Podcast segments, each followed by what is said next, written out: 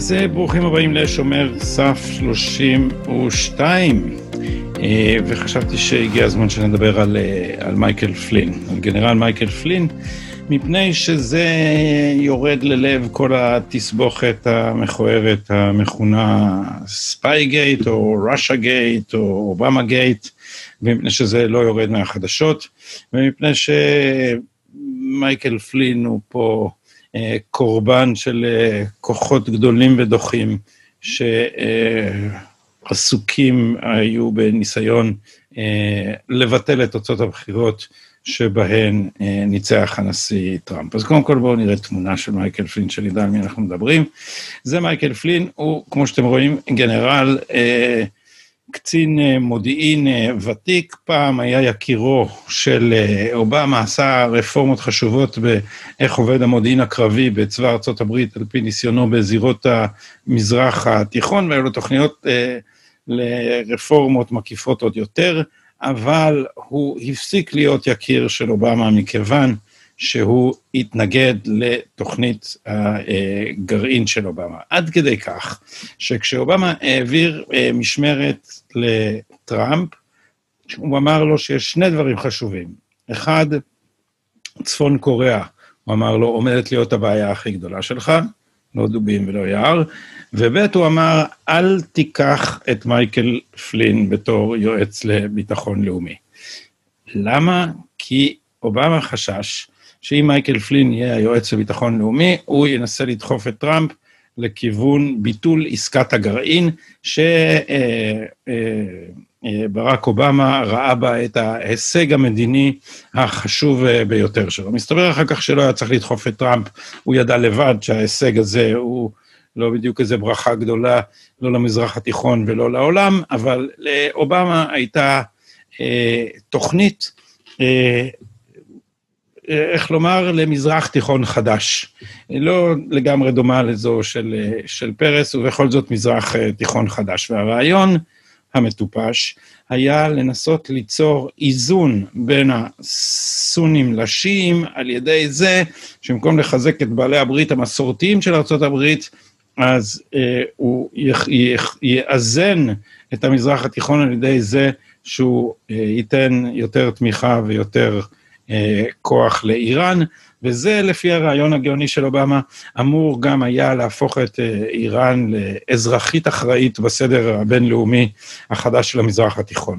אמ, רעיון כזה מגיע מתוך אה, שני זרמים משתלבים. אחד זה האופטימיות הכרונית של מדיניות החוץ האמריקאית. לא כל הנשיאים לוקים בה, אבל בכל אופן זאת בעיה חוזרת במדיניות החוץ האמריקאית המון פעמים, כי האמריקאים מניחים שמרגע שאתה משלב מישהו בתוך הסדר הבינלאומי, בעיקר מרגע שאתה משלב אותו בתוך הסדר הכלכלי, שהוא גם ירוויח ממנו, אז יש לו skin in the game, יש לו stake in the order, יש לו אינטרס לשמור על הסדר כיוון שגם הוא מרוויח ממנו. אנחנו רואים יש מקרים שהדברים האלה עובדים כמובן, תוכנית מרשל אה, הראתה את זה באופן אה, מרהיב, אבל יש מקרים מאוד ברורים שקורה ההפך. סין שילבו אותה בתוך הסדר העולמי, ובמקום שהיא תהפוך לאזרח אחראי, לשותפה אחראית בתוך הסדר הזה, היא פשוט ניצלה אותו כדי לרושש אחרים ולקדם את שאיפותיה ההגמוניות.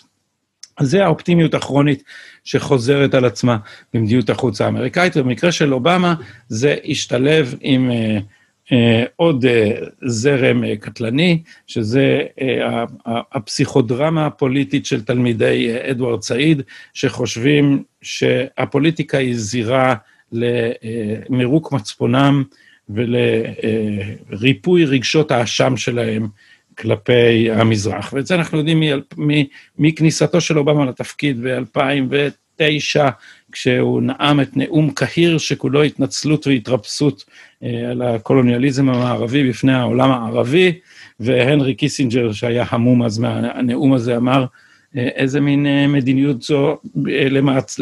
איזה מעצמה יכולה לבסס את המדיניות שלה על התנצלות. אז אובמה חשב ש... אם נבקש סליחה ובהכנעה, או ב...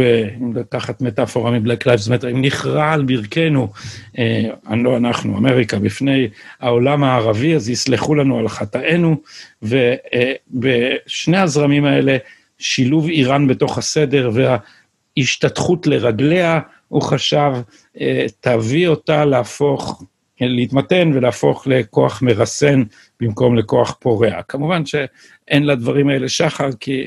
אה, האיבה של איראן לעולם המערבי אה, היא לא בגלל הקולוניאליזם והיא לא אה, אה, מבוססת על מעשים כאלה או אחרים, על מדיניות כזאת או אחרת של ארצות הברית, אלא על תיאולוגיה עמוקה שרואה בארצות הברית באופן ספציפי שטן, וכל גילוי של חולשה בעניין הזה מול, מול, מול מדינת טרור אלימה כזאת, אה, גורם לה להתנפח יותר, לא, לא להתרסן יותר.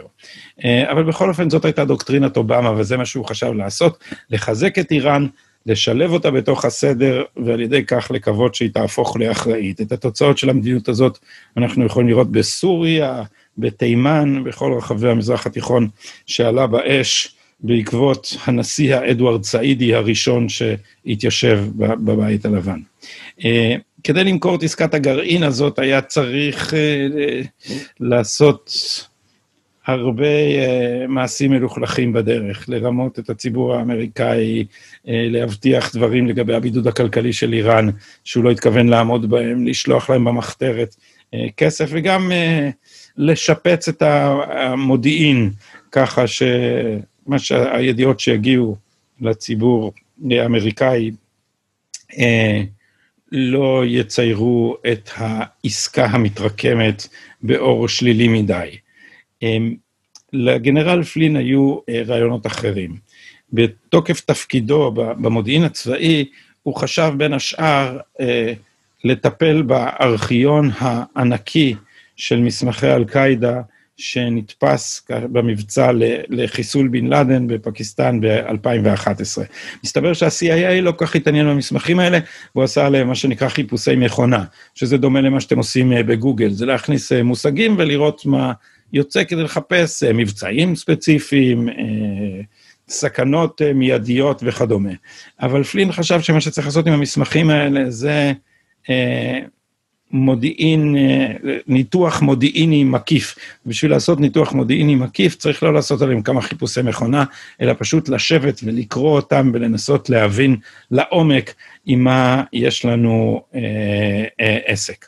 אז אה, פלין ארגן צוות שאמור היה לנסוע לווירג'יניה, שם שכן ארכיון אה, בן לאדן, צוות של אה, אנשים שיודעים ערבית ושל אנליסטים, של מומחים של מודיעין, שהתיישב על הארכיון הזה כדי להראות, ככה הוא חשב, את קשרי הקשרים שיש בין כל מיני סוגים של אה, טרוריסטים של האסלאם הקיצוני, אסור להגיד, בממשל אובמה היה אסור להגיד טרור, אסלאם, טרור של האסלאם הקיצוני, היה צריך להגיד uh, violent extremism, כדי חלילה לא להכתים את. האסלאם כולו, אבל אה, פלין חשב שאפשר יהיה להראות דרך הפריזמה של המסמכים של בן לאדן את קשרי הקשרים בין סוגים שונים של טרוריסטים, בין השאר קשרים בין סונים ושיעים, כלומר, אל-קאעידה שהם סונים והטרור האיראני אה, שלוחותיו השיעיות השונות, גם נלחמים זה בזה, אבל גם משתפים פעולה בכל מיני דברים, ויש ביניהם אה, כל מיני קשרים, ובכל אופן שותפים בשנאתם הלוהטת לשטן הגדול, הלא הוא אה, ארצות הברית. אז המבצע הזה עמד לצאת לדרך, וכבר ממש הזמינו מקומות במלונות בשביל כל הצוות שפלין ארגן, כשלפתע הגיעה הודעה מלמעלה, ג'ון ברנן ו, אה, וסוזן רייס, היועצת ג'ון ברן, ראש ה-CIA תחת אה, אובמה, וסוזן רייס, אה, היועצת שלו לביטחון לאומי, החליטו לבטל את מבצע הפענוח. למה? כדי, בדיוק כדי שקשרי הקשרים בין סוגי הטרור במזרח התיכון, ובעיקר מידת ההרסנות הנוראית של איראן, אה, לא אה, תצא לאור. אה, אז פלין מצא את עצמו מודח מממשל אובמה, ולימים הוא נעשה יועץ בכיר של המועמד דונלד טראמפ. אז עכשיו דונלד טראמפ אה, נבחר והוא לא שעה לעצתו של אובמה ולא פיטר את מייקל פלין, וזה יצר אה, לאובמה בעיה כי הוא פחד בצדק שפלין ילחץ על, אה, על הנשיא החדש לצאת מהסכם הגרעין. אז היה צורך ליירט את פלין. והאמת שפלין היה על הכוונת עוד לפני הבחירות. בכל חקירת הקנוניה נגד טראמפ, מה שנקרא Crossfire Hurricane, לא פחות שם, Crossfire Hurricane, נפתחה בסוף אה, יולי 2016, שבועיים אחר כך, אה, ב-16 באוגוסט, פתחו תת חקירה מיוחדת עבור אה, מייקל פלין, שנקרא בשם הקוד Crossfire Razor. Crossfire, סכין אה, גילוח. החקירה הזאת לא מצאה כלום, וקצת אחרי הבחירות, אה, הסוכן שהיה ממונה על Crossfire Razor הציע לסגור את החקירה, מכיוון שאין אה, מה לחפש שם, ואז הגיעה הוראה מלמעלה, ממה שנקרא הקומה השביעית. פיטר סטרוק כתב שהקומה השביעית מעורבת והורתה שלא לסגור את החקירה נגד מייקל פלין ולהשאיר אותה פתוחה. ואז לאט לאט התברר שממשל אובמה פשוט ניהל מבצע ריגול שלם אחרי מייקל פלין באופן לא חוקי, בשיטה שנקראת Unmasking. אז מה זה uh, Unmasking? Uh, בשתי מילים. Uh, לרשויות הביון האמריקאיות מותר ורצוי שהם יאזינו לסוכנים זרים, לדיפלומטים, לכל האחרים, אתם יכולים להיות בטוחים שמאזינים למשל לשיחות של השגרירות שלנו, אה, וזה מה שעושים שירותי ביון בכל העולם, ואף אחד לא מתפלא מהדבר הזה. אבל לשירותי הביון אסור לרגל אחרי האמריקאים, ולכן כשמישהו נגיד מהשגרירות הרוסית מדבר עם איזה אה, אמריקאי, דיפלומט, פוליטיקאי, אזרח, אה, סוחר, מי שלא יהיה, אז עושים לאמריקאי הזה מה שנקרא masking, אה, מיסוך, מלשון מסכה, mask. זאת אומרת, לוקחים את התמלול של השיחה שעלתה ברשת ומוחקים את הזהות של האמריקאי ששותף לה, וקוראים לו למשל US person number one. כדי שמי שקורא את זה במודיעין לא יגיע לידיו מידע שיחשב לריגול אחרי אמריקאי. לפעמים צריך לעשות unmasking, זאת אומרת, במקרים שבהם המפענח של המודיעין מסתכל על השיחה, ובלי להבין שהאיש שאיתו אנחנו מדברים הוא מר אה, אה, מרק אה, דו, והתפקיד שלו זה שהוא יצרן אה, אה, תוספי עופרת, אז בלי שנבין את זה, אנחנו לא נבין על מה השיחה. אז המפענח מבקש לעשות unmasking כדי לברר מי זה האמריקאי הזה, כי זה חשוב לצורך הבנת מה שהמודיעין צריך. מי עושה unmasking? בדרך כלל הסוכנים שעוסקים בפענוח, אבל מכיוון שזה דבר מאוד רגיש, צריך אה, אישורים מגבוה. ובכן, מסתבר שממשל אובמה באופן שיטתי אה, ריגל אחרי מייקל פלין, על ידי זה ש-39 אנשים שונים בממשל אובמה ביקשו unmasking לשיחות של פלין. והם אה, ביקשו unmasking 53 פעמים, לדייק, לשיחות של פלין. עכשיו תחשבו רגע על הדבר הזה, זה היועץ הנכנס לביטחון לאומי, ובאופן סיטונאי, אנשים שונים מבקשים unmasking של השיחות שלו, מבקשים לחשוף את זהותו. הדבר הזה מעורר חשד שמה שהם עושים זה מה שנקרא בז'רגון של המודיעין האמריקאי reverse surveillance. זאת אומרת, עושים ריגול אחרי האמריקאי על ידי זה שמעמידים פנים שמקשיבים למישהו אחר, אבל מבקשים unmasking של הצד האמריקאי. וזה בעצם מה שעשו בכירים שונים בממשל אובמה, שאין להם שום ביזנס לעשות unmasking ליועץ הנכנס אה, לביטחון לאומי.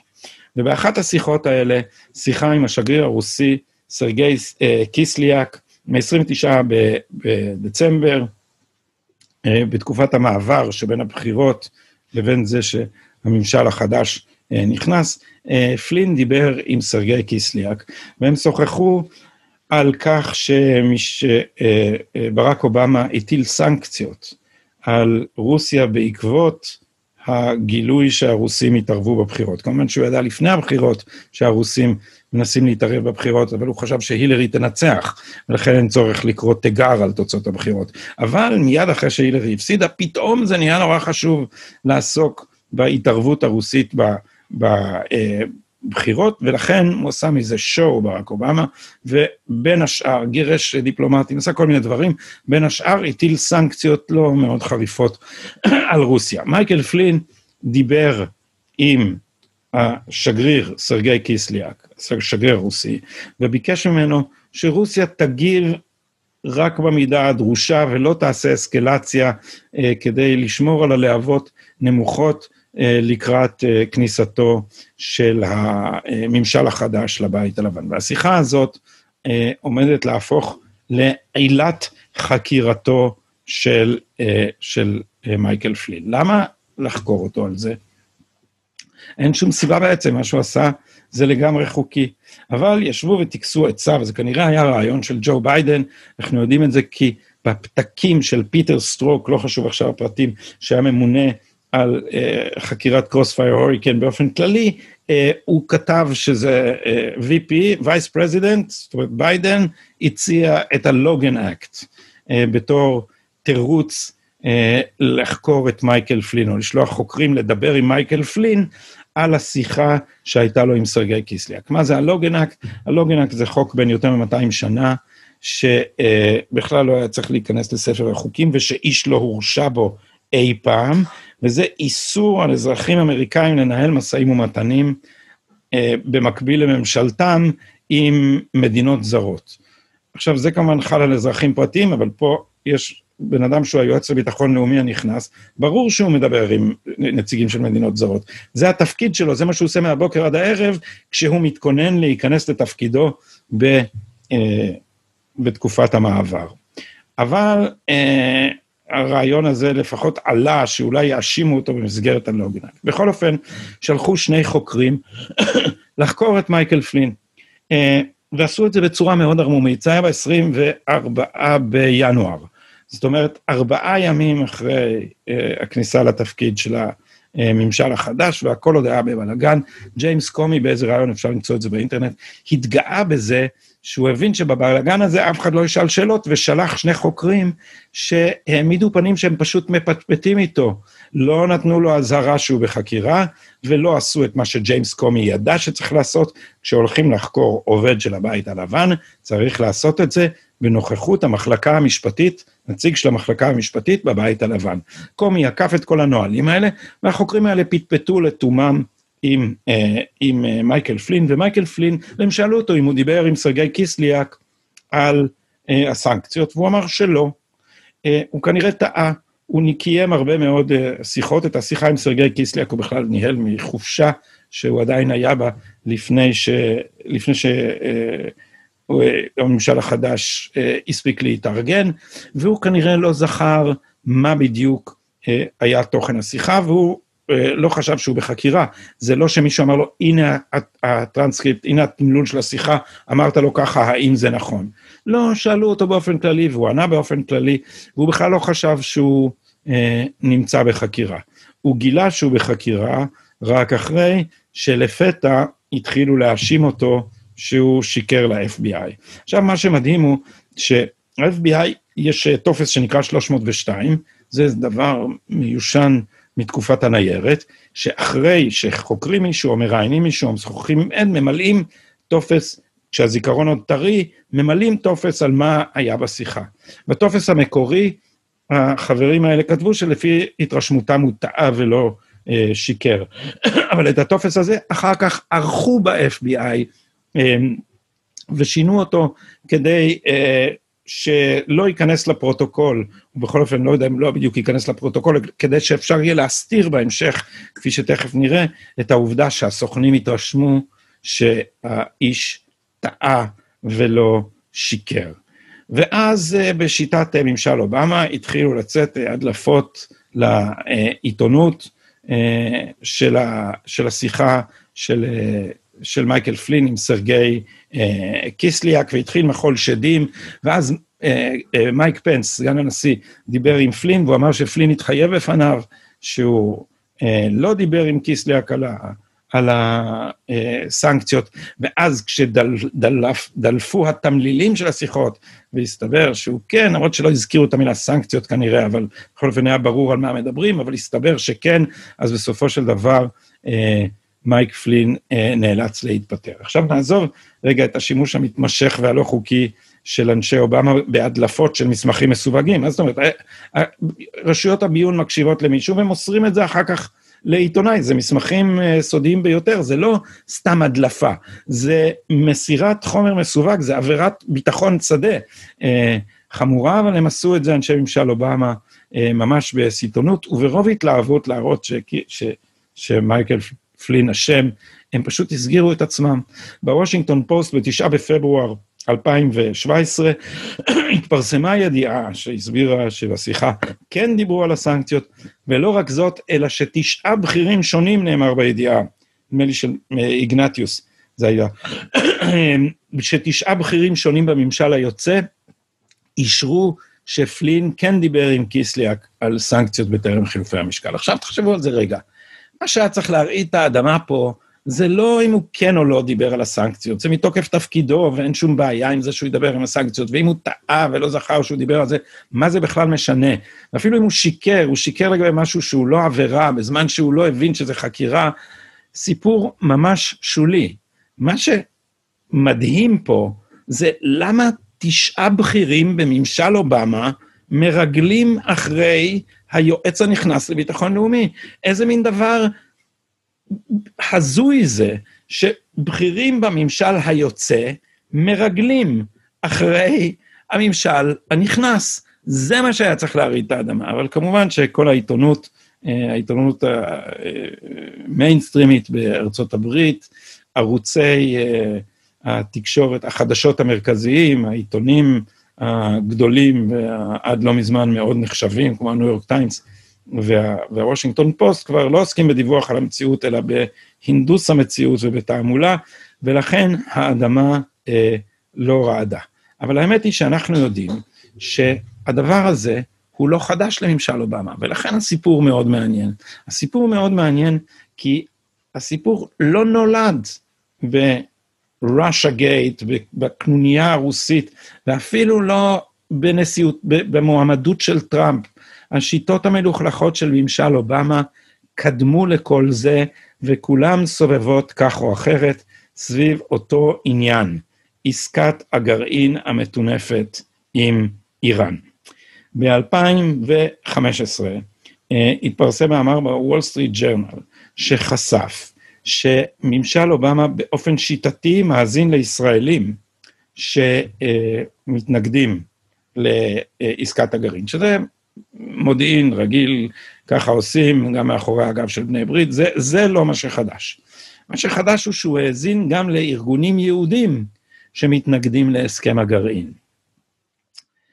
וכאן הוא כבר מאזין לאזרחים אמריקאים, בין השאר בשיטות האלה של, אה, של unmasking, אבל בהאזנה שלו לאזרחים אמריקאים כבר עלתה עוד דרגה.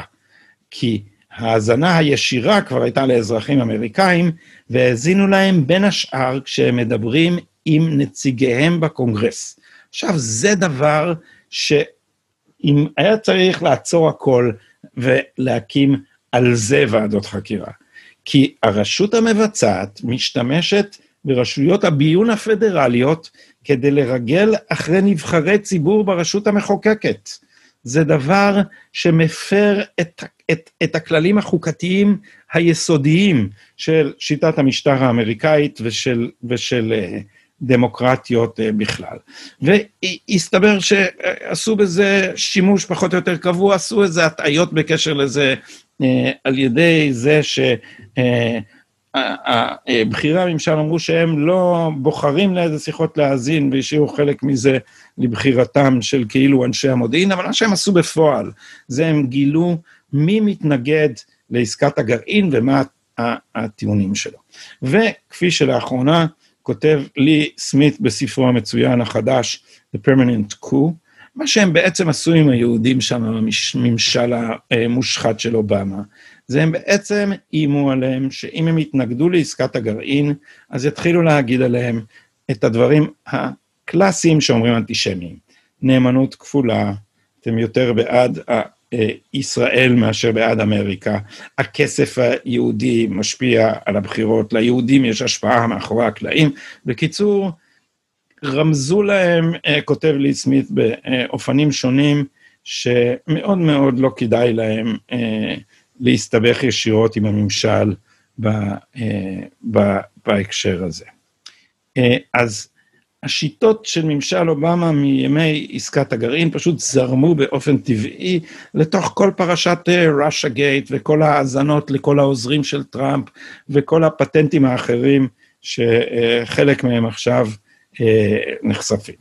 אבל הגענו בינתיים לפיטוריו של מייקל פלין, ולא הרבה אחר כך אנחנו יודעים שהתחילה החקירה של רוברט מולר, שקיבל כתב מינוי כחוקר מיוחד לבדוק את ההתערבות הרוסית בבחירות, את השיתוף הפעולה, אם היה כזה בין הקמפיין של טראמפ לבין הרוסים, כדי לגנוב את הבחירות וכל פשע שקשור לזה. הוא קיבל איזה מין מנדט מרוד אה, אה, רוטשטיין, אה, רוזנשטיין, אה, שהיה סגן ה-DA וממלא מקום ה-attorney, לא ה-DA, סליחה, ה-AG, ה-attorney general, הוא קיבל ממנו איזה מין מנדט גורף לחקור בעצם את, את כל מה שבא ליד. אבל כידוע בשלב זה, רוברט מולר לא מצא כלום שקושר את קמפיין טראמפ לקרמלין. אם הוא היה מוצא אפילו בדל של אשמה שקושרת את טראמפ לאיזה קנוניה עם פוטין, אז ה impeachment לא היה על הקשקוש האוקראיני, ה impeachment היה על זה. אבל מכיוון שלא מצאו כלום, רוברט מולר היה צריך לעשות הרבה מסכי עשן כדי להסוות את הפדיחה ואת זה ששלוש שנים מכרו לנו הדמוקרטים את הקשקוש המקושקש של הקנוניה בין טראמפ לפוטין, תיאוריית קונספירציה מופרכת ומפוברקת שלא היה מאחוריה כלום. אז איך מסווים את זה שאין אש? עושים מכונת עשן.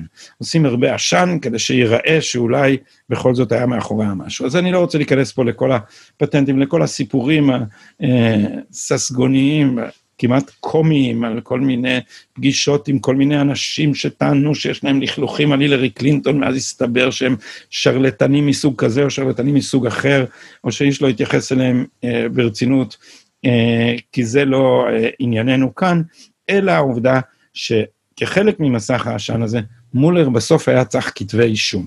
עכשיו, יש כמה וכמה כתבי אישום יצאו מהוועדה של, של מולר.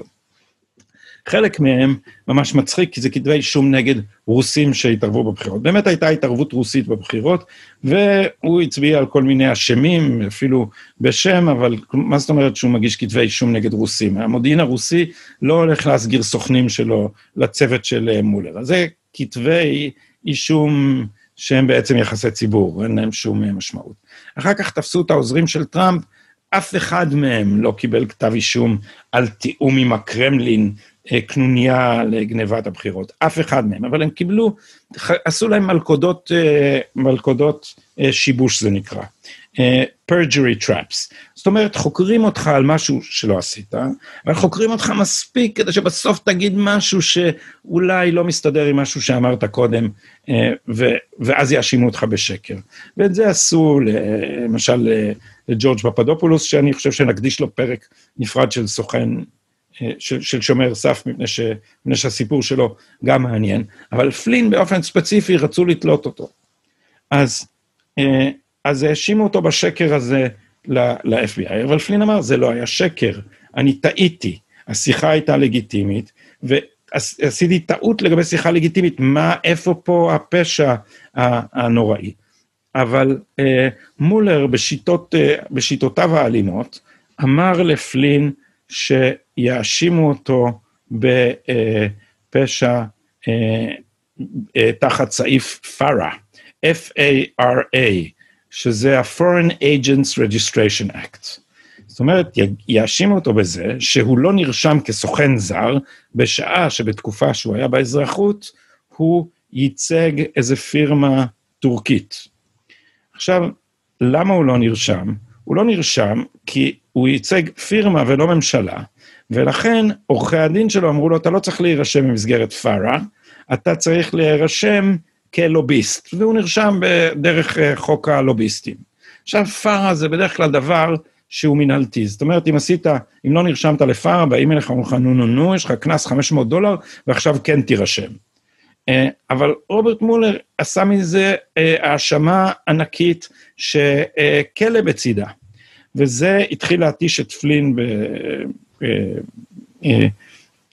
בתשלומים לעורכי הדין שלו, ועדיין הוא לא נכנע, אבל כשרוברט מולר איים בתביעת פארה נגד הבן של פלין, אז פלין החליט שהוא לא מוכן להרוס את החיים של הבן שלו, והודה באשמה בזה שהוא שיקר לסוכני ה-FBI. אז אה, ככה הגיע, הגענו לזה שאדם עם קריירה ציבורית מזהירה בצבא ארצות הברית, מוצא את עצמו מודה בשקר שהוא לא שקר ל-FBI.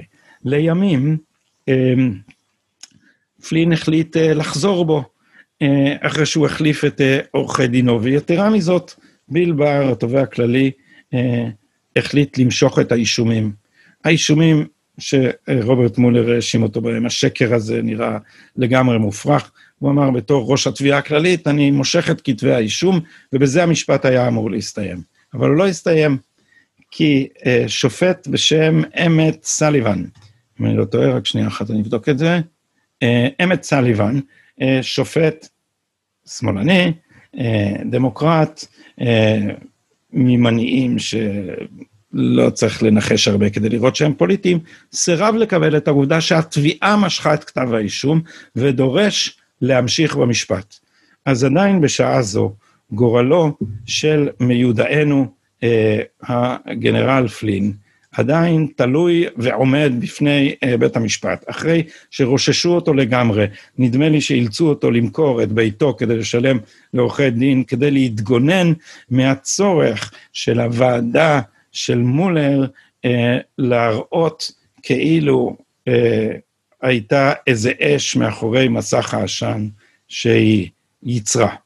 אז אפשר לומר שהגנרל פלין עובר משהו שדומה קצת לאיזה סוג של אה, משפט אה, דרייפוס מודרני, ואני מקווה שבסופו של התהליך הזה הוא ימצא את עצמו אה, מזוכה מכל אשמה כפי שמגיע לו, ושמי שישלם את המחיר זה האנשים שרדפו אותו במסגרת העלילות המופרכות והמטורפות נגד אנשי ממשל טראמפ. אז עד כאן.